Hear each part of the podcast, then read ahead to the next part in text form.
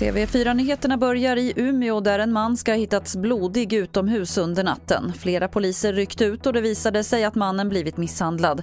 Exakt vad som hänt är oklart men den misshandlade mannen och gärningspersonen ska ha känt varandra sedan tidigare på något sätt.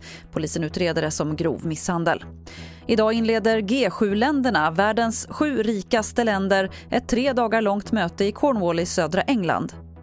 Att döma vad som kommit fram inför förhandlingarna så är det pandemin och insatser mot den som kommer att dominera det tre dagar långa toppmötet. Storbritanniens premiärminister Boris Johnson har aviserat att G7-länderna tillsammans kommer att donera en miljard vaccindoser till fattiga länder. Något som enligt Johnson innebär att vaccinationerna globalt kan komma igång på allvar i slutet av nästa år. Reporter här var Jon Thunqvist. Och vi avslutar med fotbolls-EM som ju drar igång idag.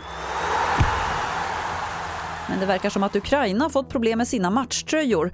Enligt Uefa är tröjorna inte godkända eftersom det finns dolda politiska budskap på dem som har rört upp känslor framförallt i Ryssland. Bland annat ser man siluetten av Ukrainas landsgränser där de inkluderat Krimhalvön.